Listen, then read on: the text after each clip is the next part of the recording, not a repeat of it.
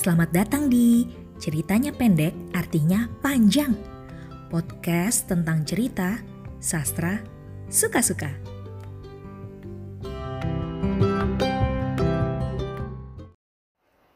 Halo, hai. Ketemu lagi nih teman-teman pendengar ceritanya pendek artinya panjang. Apa kabar? Wah, sudah bulan Maret Teman-teman tahu kan, bulan Maret itu bulan film nasional. Nah, kali ini aku akan membahas tidak tentang film sepenuhnya sih, tapi masih tetap membahas tentang sastra uh, yang ada kaitannya dengan film. Nah, apa tuh? kali ini uh, aku tidak sendiri lagi, ye senangnya. Uh, kali ini aku ditemani sama seorang sahabatku yang namanya mirip dengan namaku. Halo Nelly, apa kabar? Baik. Yang lebih keras dong suaranya. Baik Karne. Ya, aku mau cerita dikit ah tentang nama ini. Jadi dulu tuh uh, namaku kan Arelis, lalu pertama kali masuk uh, kuliah aku mengenalkan diri dengan nama Nelly. Eh ternyata ada si Nelly ini juga ya sama-sama masuk di jurusan yang sama. Dan Nelly ini nama kamu siapa? Nelly doang ya? Iya, nggak pakai doang sih. Nelly aja gitu. Terus akhirnya ya udah senior kita memutuskan cari nama panggilan masing-masing gitu ya? Cari nama yang lain. Mm -mm. Nah, sedangkan kan nama gue cuma satu. Mau dipanggil apa? Gitu akhirnya uh, eh, senior senior manggil kamu tetap Nelly ya. Terus yeah. akunya jadi Arne gitu. Tapi sekarang aku malah manggil Nelly Lili itu panggilan di rumah. Ya gitu deh itu sedikit aja pengenalan. Nah Nelly ini um, adalah salah satu temanku yang concernnya dari zaman kuliah sih aku perhatikan memang uh, sangat mendukung penulis-penulis perempuan. Suka membaca banyak tulisan dari penulis perempuan benar ya? Ya bisa dibilang begitu. Mm -mm. bahkan yang aku inget sih kamu juga skripsinya uh, analisisnya juga tentang karya sastra dari penulis perempuan benar ya?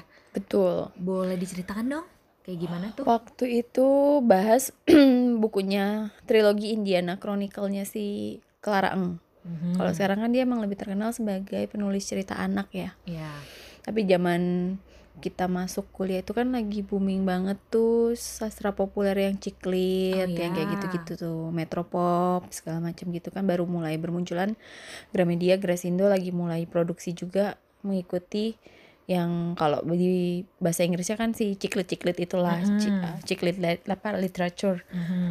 uh, salah satunya sih Clara Ang itu bikin satu buku trilogi nah pas mau bikin skripsi itu memang karena minatnya lebih ke gender dalam sastra. Terus waktu itu pas baca itu di ujung mau menjelang skripsinya itu kayaknya ini cocok nih mau diangkat. Jadinya diangkatlah di si skripsinya itu tentang perempuan dalam sastranya itu. Hmm. nah tadi kan aku di awal sempat ngomongin tentang film dan sekarang tentang penulis perempuan. Nah, jadi benang merahnya gini loh. aku menemukan nih salah seorang penulis perempuan Indonesia yang karyanya paling banyak karya bukunya paling banyak diangkat jadi film ternyata adalah jeng jeng jeng. adalah penulis favorit kamu ya. Ya salah satunya favoritku juga ya. Yaitu Dewi Lestari. Wow. Salah satunya emang kamu suka siapa aja selain Dewi Lestari penulis perempuan Uh, kalau dulu banget zaman SMP itu NH Dini pasti. Hmm, ya. Yeah. Hmm. Terus uh, udah ke sini sini lagi demen banget sama uh, Laila. Laila ya itu hmm. terus ya Ayu Tami, hmm. Jenar, ya hmm. Firbas Ivan, Firbas, ya. ya. Itu ya mayoritas kan ya pada saat itu memang bermunculannya hampir serentak tuh. Hmm. Dan ya menurutku mereka masing-masing punya karakter yang beda-beda gitu. Jadi nggak hmm. bisa dibilang siapa paling favorit atau susah apa ya? gitu. ya susah karena mereka punya hmm. style yang berbeda sama hmm. uh, apa ya misi atau pesan yang mau disampaikan juga beda-beda. Gitu. Coba sebagai gambaran aja gimana? Misalnya Ayu Misalnya kalau kayak Ayu Tami deh ya, dia kan fokusnya lebih banyak ke kritik sosial juga politik juga iya hmm, ada filsafat ya betul terus dia lebih latar belakangnya kayak lebih banyak orde baru karena mungkin dia kan besarnya ya di periode itu juga gitu Hmm. atau tumbuhnya taunya kalau Leila itu juga sama mirip-mirip lah Hmm, tapi kalau. Leila itu kan lebih narasinya lebih kayak reportase wartawan, wartawan, ya, ya. Mm, mm, mm, kayak gayanya penulis favoritku yang benernya. Seno gitu Iya, kan. iya. jadinya memang lebih ke kita jadi bertanya-tanya kejadian sebenarnya tuh kayak apa sih gitu kalau Hmm. penulisan mereka kan karena kita tahu itu sebenarnya kayak sejarah yang difiksiin gitu Mm-mm. kalau tulisannya Eh, Kalau gitu. Dewi Lestari? Nah, kalau Dewi Lestari sih sebenarnya lebih populer, tapi dia juga banyak dalam tanda kutip eh, apa ya, membuka pikiran atau memamerkan ilmu pengetahuan yang baru kalau menurutku. Gitu. Karena dari yang buku pertamanya dia aja kan sebenarnya tuh zaman dulu tuh SMP ya kalau nggak salah ya pas Mm-mm. baca bukunya dia tuh Supernova 1 ya, Ha-ha. Satria, Putri dan Bintang Jatuh. ya itu tuh Mhm.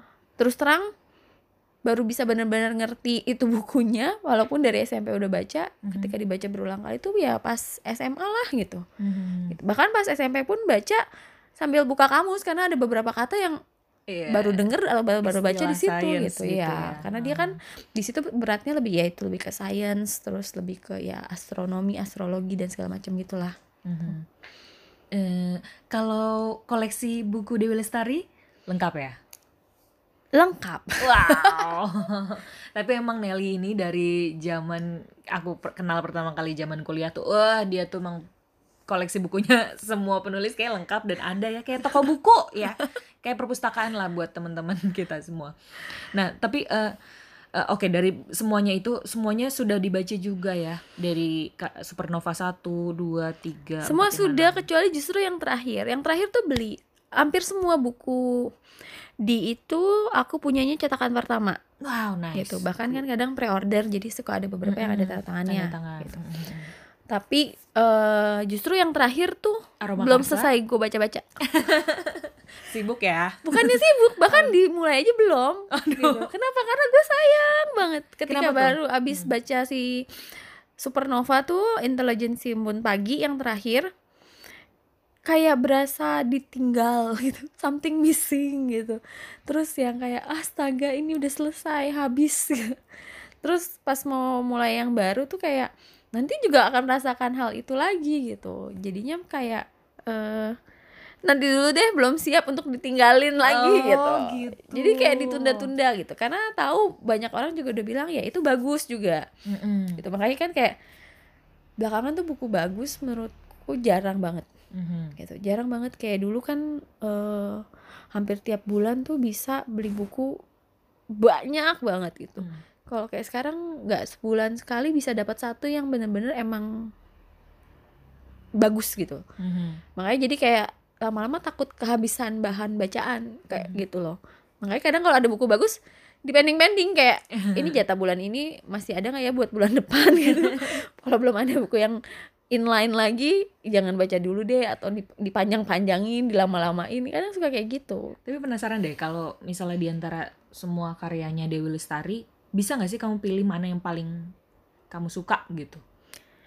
Aku aku list dulu kali ya. Hmm, Uh, jadi kan iya. ada Supernova 1 tuh Kesatria Putri dan Bintang Jatuh ya kan. Supernova 2 Akar ya, Mm-mm. Supernova 3 petir Petir. Kemudian malah belum ke Supernova 4 ya, dia sempat ngeluarin filosofi filosofi kopi, Mm-mm. recto verso, perahu kertas, madre, baru kemudian itu ya. lanjutin supernova lagi Mm-mm, partikel, terus yang lima gelombang, enam intelijensi, embun pagi, dan terakhir aroma karsa. Ya, oke, di luar dari aroma karsa, menurut kamu dari Karena yang belum udah baca kamu anyway. itu yang mana yang kamu paling favoritkan? Kalau bukunya sendiri paling favorit itu sebenarnya yang akar Oh, oke. Supernova Kenapa? sendiri. Tapi kalau overallnya sebenarnya si seri Supernova itu tuh sangat-sangat WoW kalau menurut gue. Wow, oke. Kalau akarnya sendiri kenapa tuh? Akarnya sendiri karena nggak tahu ya suka banget sama karakter si toko bodinya di situ gitu. Hmm. Eh, dan kayak belajar satu wondering kayak dia kan cerita juga soal kayak reinkarnasi gitu. Kayaknya kan Hmm. awal-awal dia bikin itu kayak awal-awal Dewi juga uh, interest ke agama Buddha yang akhirnya juga dia pindahkan uh, dari situ juga jadinya kayak belajar soal ya itu reinkarnasi amal baik gitu uh, roda tuh berputar terus yang kayak ya filosofinya itu sebenarnya kena gitu. Itu sederhana tapi ketika diceritakan itu nggak tahu kenapa ya pokoknya bagi gue lebih ya lebih berbekas aja di hati gitu Hmm. dibandingin yang lainnya gitu Hmm. Yang lainnya memang lebih Udah baca? populer ya. Belum sayangnya. aku malah membaca yang Populer-populer. populer. Heeh, malah filosofi kopi aku baca, recto verso baca, perahu kertas baca, mandre baca. Malah supernovanya aku, aroma karsa aku udah baca. Oh, berarti harus pinjem tuh ya Oke, nanti setelah ini. karena gini kalau kalau menurutku supernova itu ya emang harus ya tadi kalau udah baca dari awal sampai akhir itu sebelum di eh, terbit yang terakhir Mhm. aku tuh baca ulang dari yang pertama. Dari situ jadinya makanya kenapa ketika abis buku yang keenamnya itu kayak berasa something missing karena itu intens banget dalam waktu nggak nyampe dua bulan lah dari eh ya kalau nggak salah itu kan terbitnya Januari atau Februari deh yang intelijensi Open pagi. Dari Desember itu mulai bacain ulang si Kesatria Putri dan Bintang Jatuh sampai akhirnya ke eh, partikel gelombang lalu si intelijensi Ubun pagi. Jadi kayaknya aku tuh nyambung terus dan itu bener-bener hanyut selama sebulanan itu Oh, ke cerita itu. Makanya berasa hilangnya tuh banget gitu pas itu cerita abis gitu Dan juga series kali ya karena bentuknya rangkaian buku jadi lebih dalam ya dibanding kalau buku satuan ya nggak sih? ya mungkin kalau gini nih kalau dulu yang penulis yang benar-benar bisa bikin maze banget tuh J.K. Rowling Mhm. of course gitu karena Iya. ya imajinasinya Luar biasa. ya kayak nggak kepikir aja gitu begitu dia bikin Harry Potter Mhm. terus ya baru deh mulai banyak deh yang imajinasinya ya serupa 11 12 lah gitu ibarat tapi kan kayaknya pertama kali banget si Rowling itu sendiri gitu yang yang bikin cerita se wow itu. Bahkan dulu eh, pas baca itu masih belum diterjemahin ke bahasa Indonesia aku. Karena baca guru di sekolah dulu ada yang baca terus minjemin Mhm. sampai akhirnya dulu kan ya Allah SMP uang jajan berapa sih beli buku bahasa Inggris tuh mahal banget ah, gitu ah, kan. sampai benar-benar nabung untuk beli si Harry Potter itu sendiri. Begitu Hmm. diterjemahin itu juga masih belum ada apa-apanya belum booming orang. Mhm. begitu ada filmnya baru kan semua orang Iya. beli gitu. Nah nah itu juga sama. Nah si di ini juga sama gitu. Jadinya kayak masuk ke dunia yang berbeda ini kayaknya fiksi. Tapi kalau dipikirin logika bisa aja jadi nyata gitu loh. Mungkin emang beneran ada nggak ya di dunia ini gitu yang bikin sampai kayak gitu gitu. Dan baru dua penulis ini yang bisa bikin ibaratnya memanipulasi otakku untuk jadi wondering I hope this is real gitu Apakah itu terpengaruh juga dari adanya filmnya? Maksudnya yang membuat itu lebih real apa sih Harry Potter apa sih Supernova keduanya. Em, Supernova malah filmnya nggak nonton. Hmm, kenapa tuh? nggak tahu ya mungkin karena biasanya buku sama film itu pasti interpretasinya beda dan Mhm. kadang kalau nggak sesuai apa yang kita bayangkan atau imajinasiin di awal tuh kan pasti itu challenging sebenarnya kan untuk difilmkan kan Mhm. makanya kalau yang kayak gitu-gitu tuh sering banget interpretasinya jadi beda gitu nggak sesuai dengan ka- apa hayalan pembaca malah kesannya jadinya eh jadi malah jelek gitu karyanya makanya kalau yang bukunya suka banget agak menghindari. Kamu nggak mau nonton ya, filmnya? gitu. Justru ya ya udah nanti takut ilfil lah gitu. Ibaratnya kayak Oh, gitu oke. kan gitu. Kalau yang Harry Potter pun sama sebenarnya kalau baca karena udah baca bukunya nonton filmnya jadi make sense. Tapi menurutku kalau cuma nonton filmnya doang tanpa baca bukunya Heeh. pasti itu cuma permukaannya aja yang dirasain orang. Memang sih yang bikin filmnya oke gitu. Jadinya eh, orang jadi mau baca bukunya gitu kan. Tapi tetap aja kalau udah habis baca buku terus difilmin nggak sesuai imajinasi. Yang benar-benar mirroring yang juga film paling gue suka dari seri Harry Potter itu sendiri yang buku ketiga. Mhm. karena antara buku sama filmnya menurut gue lebih detail dan lebih berasa itu eh, bisa menggambarkan bukunya. Sisanya ya itu tadi kalau lu nggak baca ya kentang lah gitu Iya beda ya. Tapi menarik loh. Di Ulistari ini ya itu tadi yang dari analisis kamu juga ya. Memang banyak karyanya yang lebih populer kan. Mungkin itu juga kali ya sebabnya kenapa eh, Banyak yang difilmin. difilmkan. iya sih bisa Mm-mm. jadi Di sini ya. Jadi pertama tuh eh, perahu kertas malah dimulainya dari tahun 2012. Itu Hanung dulu. Kalau itu nonton nggak kamu? perahu kertas masih nonton karena kan perahu kertas tuh populer banget kan. Mm-mm. dia bukan yang ada imajinasi atau yang Terus gimana ceri- banget ceritanya sangat-sangat ya di cinta ya. pertama Mm-mm, gitu. Terus masa kecil dan dan sebenarnya kan dia nulis perahu kertas itu sebenarnya udah lebih lama dari si Supernova itu dulu tapi baru diterbitinnya belakangan justru Oh, kan gitu. Hmm. jadinya Itu, ya kalau eh, nonton ya masih fine lah gitu. Penasaran juga. Tapi apa yang kamu baca tergambarkan di film itu nggak? Ya oke sih karena dia kan filmnya sampai dibagi dua tuh karena bukunya Uh-uh. juga tebel banget jadi kita nontonnya pun nggak in hurry Mhm. nggak kayak keburu-buru atau Mhm. kayak semuanya main dipotong-potong aja gitu Mhm. tapi masih tetap lebih ya lebih lebih bisa match and mirroring ke si bukunya juga Jadi gitu cukup loh. memuaskan ya kalau film perahu kertas ya. Mm-mm. Terus eh, ada juga Recto Verso. Nonton nggak? Recto verso nggak Malah nggak nonton, tapi nonton baca juga, ya. ya. Oh, Itu 2013 aku nonton sih. em, karena itu kan sebenarnya cerpen cerpen difilmkan udah pasti pa- akan ada interpretasi dari si penulis naskahnya sendiri Mm-mm. atau aku lupa deh itu ditulis sama dia sendiri nggak tuh naskahnya ya sutradaranya sih ada lima. Jadi teman-teman ya, semuanya teman-teman perempuan. Ada Marcella Zalianti, Ra- Rachel Mariam, Kathy Sharon, Olga Lydia, sama Happy Salma. jadi kayak mereka beda-beda. interpretasiin si Mm-mm. cerpen-cerpen si di itu sendiri Mm-mm. kan ya makanya Tapi mungkin bisa jadi nggak mau ya, jadi nggak mau nonton. Gimana tuh? ya waktu itu sih emang nggak mau nggak tertarik aja gitu gue udah baca bukunya ya udah gitu dan so far sih memang dari karyanya di sebenarnya yang less attach itu sebenarnya recto verso malah Kenapa tuh? Oh, padahal itu variasinya ada bentuk lagunya, Iya, ada filmnya, gitu. segala macam. Ya Kenapa tuh? Mungkin ya nggak tahu ya karena mungkin jadi banyak biasnya jadinya malah kayak kurang whole aja Hmm. storynya justru gitu karena ya jadi banyak interpretasi sih. sebenarnya itu ya ide yang bagus sih gitu maksudnya Mhm. saat itu kan kayak dari buku ada interpretasi lagunya Mm-mm. interpretasi filmnya Mm-mm. segala macam itu kayak kayak whole-nya gitu dan dia nggak bukan dari sudut pandang dia sendiri juga gitu kan Mm-mm.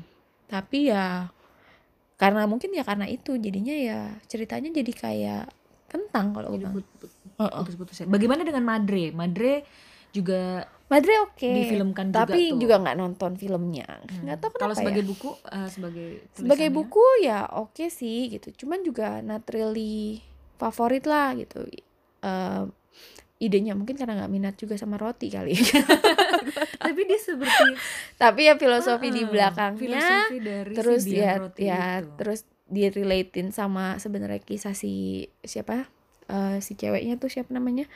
Ya itu sih oke gitu fine gitu. Emang lebih populer juga gitu tapi Hmm. kayaknya nggak nggak bisa dibandingin juga sama si supernovanya juga gitu Mm-mm. Malah si Supernova itu kemudian difilmkan baru tahun 2014 setelah Madre. Madre itu 2013 ya. Itu Mm-mm. oleh Rizal Mantovani. Aku nggak nonton juga sih sayangnya. nggak nonton tapi Mm, setahu sempet- juga nggak terlalu booming gitu. ya. ya itu mungkin karena buku pertama Supernova itu emang agak berat sih kalau dibilang ya i- yang yang kalau dulu kritik bilang tuh kayak di cuman mau pameran ilmu pengetahuan Iya, yang kayak gitu kritik kayak gitu. karena memang ya itu gue juga ngerasain sendiri pas SMP baca itu ini ceritanya sangat-sangat complicated dan bahasanya tuh banyak yang nggak awam Eh, eh, eh, eh, jadi lebih susah gitu. gitu. Kalau yang terbaru ya filosofi kopi lah ya. Mm-mm. Eh, eh, dan dan memang ringan juga. Nonton nggak? Nggak juga lagi. Nggak juga. Nggak juga. Nggak suka ya. Aku nonton filosofi kopi karena Tapi nggak baca bukunya. Oh baca, baca, baca. Karena juga kan pendek kan. Aku nggak punya bukunya, tapi waktu itu kayak pinjem kamu juga deh kayaknya. ya, itu aku baca dan nonton itu juga. kan juga sama dari cerpen jadi film pasti kan akan ada interpretasi yang beda lagi gitu. Tapi aku loh. tidak peduli karena aktornya. itu kayaknya preferensinya beda ya. Iya, Udah bukan Chico soal Jericho. ceritanya lagi. Eh, eh, itu tahun eh, ada dua juga filosofi kopi 2015 Ya, itu bahkan sama aneh ya dari cerpen 2017. bisa jadi satu dua tuh. Iya, itu, itu- ceritanya udah lebih panjang lagi kayaknya. keren juga sih itu ya sama Angga Sasongko tuh. Tapi ya itu aku rasa juga karena momennya pas tidak sih karena sekarang juga lagi belakangan kan banyak banget kopi ya Iya. kan lagi tren juga. Padahal Jadi- mungkin kayaknya si di sendiri kayak baca tren lebih awal gitu. Dia bikin filosofi kopi kan sebelum si kopi-kopi itu booming Iya. sekarang gitu loh. Dan eh, history atau knowledge soal kopinya pun juga nggak sembarangan. Itu yang sebenarnya gue suka sih. Si Mhm. Di itu eh risetnya tuh nggak sembarangan gitu loh Mhm. makanya tapi Riset juga ya, serius ya? tapi juga nggak ngawang-ngawang ngerti nggak jadi Mhm. masih bisa dipahamin orang awam masih cukup populer tapi nggak kosong gitu Mhm. makanya eh, mungkin karyanya jadinya lebih bisa diterima halayak ramai gitu loh Mhm. masyarakat umum gitu dan bahkan ada seriesnya loh sekarang sekarang juga kan lagi tren film-film Tapi yang main Chico juga? gitu. iya tentu saja ya eh, yang terakhir sih aroma karsa aku sudah baca dan aku malah belum aduh kamu harus baca ini itu menarik dia juga riset luar biasa tentang penciuman Aroma kan, aroma. indera kan? nah aku membayangkan sih kalau misalnya itu difilmkan akan seperti apa karena kan ngarep juga jadinya sekarang ya. di film ini iya nggak maksudnya kan lebih susah kan memfilm memvisualkan uh, penciuman gitu gimana gitu coba kalau misalnya divisualkan dalam bentuk film jadi aku penasaran sih seperti kan se- sebenarnya mirip-mirip juga sama si itu loh Perfume. novel perfume iya itu aku, Mhm. aku baca aku nonton juga filmnya Mhm. itu merinding sih gitu, ya. Iya. sama ini loh yang film Indonesia juga sih yang Dian Sastro eh Aruna dan lidahnya Oh, iya, itu iya, kan iya, juga iya. karya sastranya juga Indra Pencecap yang Mm-mm, kayaknya waktu itu nggak kebayang kalau difilmin kayak apa Mm-mm. makanya waktu itu juga akhirnya nonton tuh ah. kalau yang ini karena penasaran dia akan interpretasinya kayak apa gitu memang kan nggak seperti plek teplek sama kayak Iya, bukunya pasti, gitu pasti. kan Mm-mm. jadinya kan eh, ya kalau again kalau nggak baca bukunya nonton filmnya doang mungkin nggak dapat esensi fullnya. Tapi please uh, untuk aroma karsa kamu harus segera baca dan nanti nonton filmnya sama aku ya kalau misalnya Kalau ada. iya kalau ada. Oke wah ini pembicaraan kita sudah lumayan panjang. Eh, satu ke mana-mana. Biasanya aku kan di podcast ini aku uh, membacakan cerpen. Nah, uh, aku tahu sih kamu favoritnya emang lebih uh, Dewi Lestari itu lebih ke yang Novel. novel-novel. Tapi kan nggak mungkin tebal ya, Aku bacakan bacain novel Nggak ya mungkin. Jadi rekomendasi kamu deh. uh, apa cerpen Dewi Lestari yang bisa aku bacakan di podcast berikutnya? ada satu cerpen itu dari kumpulan eh, cerita pendek yang si filosofi kopi yang membekas Hmm. Kesannya sepele tapi menurutku itu lucu sih gitu dan ya again kok kepikiran aja ya dia bikin cerita ini Judulnya? judulnya itu Rico de Coro itu mungkin spellingnya Koro atau Coro tapi kan kita ngomongnya Coro ya kalau Coro. Coro tuh kan kecoa ya. karena emang itu ceritanya soal Tentang kecoa kecoa. kecoa Oke. yang jatuh cinta pada manusia bayangin Aduh, keren banget. Kayak jadi dongeng ya Dewi Lestari ini. Aduh. tapi ketika baca ya kepikiran kan jadinya kayak eh bisa jadi ya tuh binatang punya pikiran seperti itu nggak ya gitu Dan si cerpen Rico de Coro itu ada di buku apa tuh? filosofi kopi yang tadi gue bilang Hmm. kumpulan cerpen filosofi kopi itu kan dia eh, cerpen satu dekade jadi cerpen Satu dia dekadenya dari tahun Lestari ya? 95 sampai 2005 Wow, gitu, waktu dikumpulkan dari itu jadi si filosofi Ya. kopi itu ya. gitu Hmm, Oke. Oke, berarti berikutnya nanti aku baca Rico de Coro. Wah, Iya. apa? Jangan-jangan nanti kamu setelah takut aku kecoa nggak Ke- takut sebetulnya, tapi ceritanya horor nggak? nggak horor lucu beneran Lucu, bener. Oke, ya udah. lucu manis gimana sedih gimana gitu Terus kalau misalnya cerita Rico de Coro difilmkan, aduh, visualnya seperti apa ya? Aduh. yang main sih harus jangan kayak kamu ya kayaknya ya.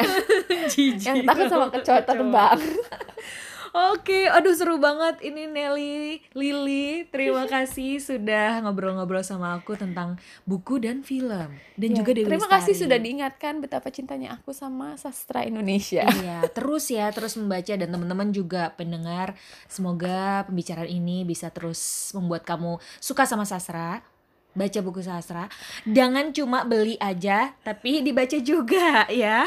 mungkin podcastnya Arne membantu again yang karena kita bahas Uh-uh. tuh kalau kesan pertamanya udah salah orang akan nggak suka baca Mhm, makanya mhm. pilihan pertama apa yang kita baca itu kadang itu yang membekas atau bikin kita mau ngelanjutin atau enggak Wah, iya bener banget. gitu Tapi boleh ya, sekali lagi nih buat penutup. Boleh ya kalau kita uh, terkesan dengan filmnya dulu dari film yang diangkat dari buku. fine boleh sih ya. kalau menurutku mah apa-apa gitu ya, yang penting kemudian ya, Ya. baca Iya gitu ya. gitu. Atau ada juga, ada juga yang sebenarnya nonton doang nggak baca bukunya. Iya, ya itu pilihan juga sih. Ya, walaupun sayang sih, I'm pity on them.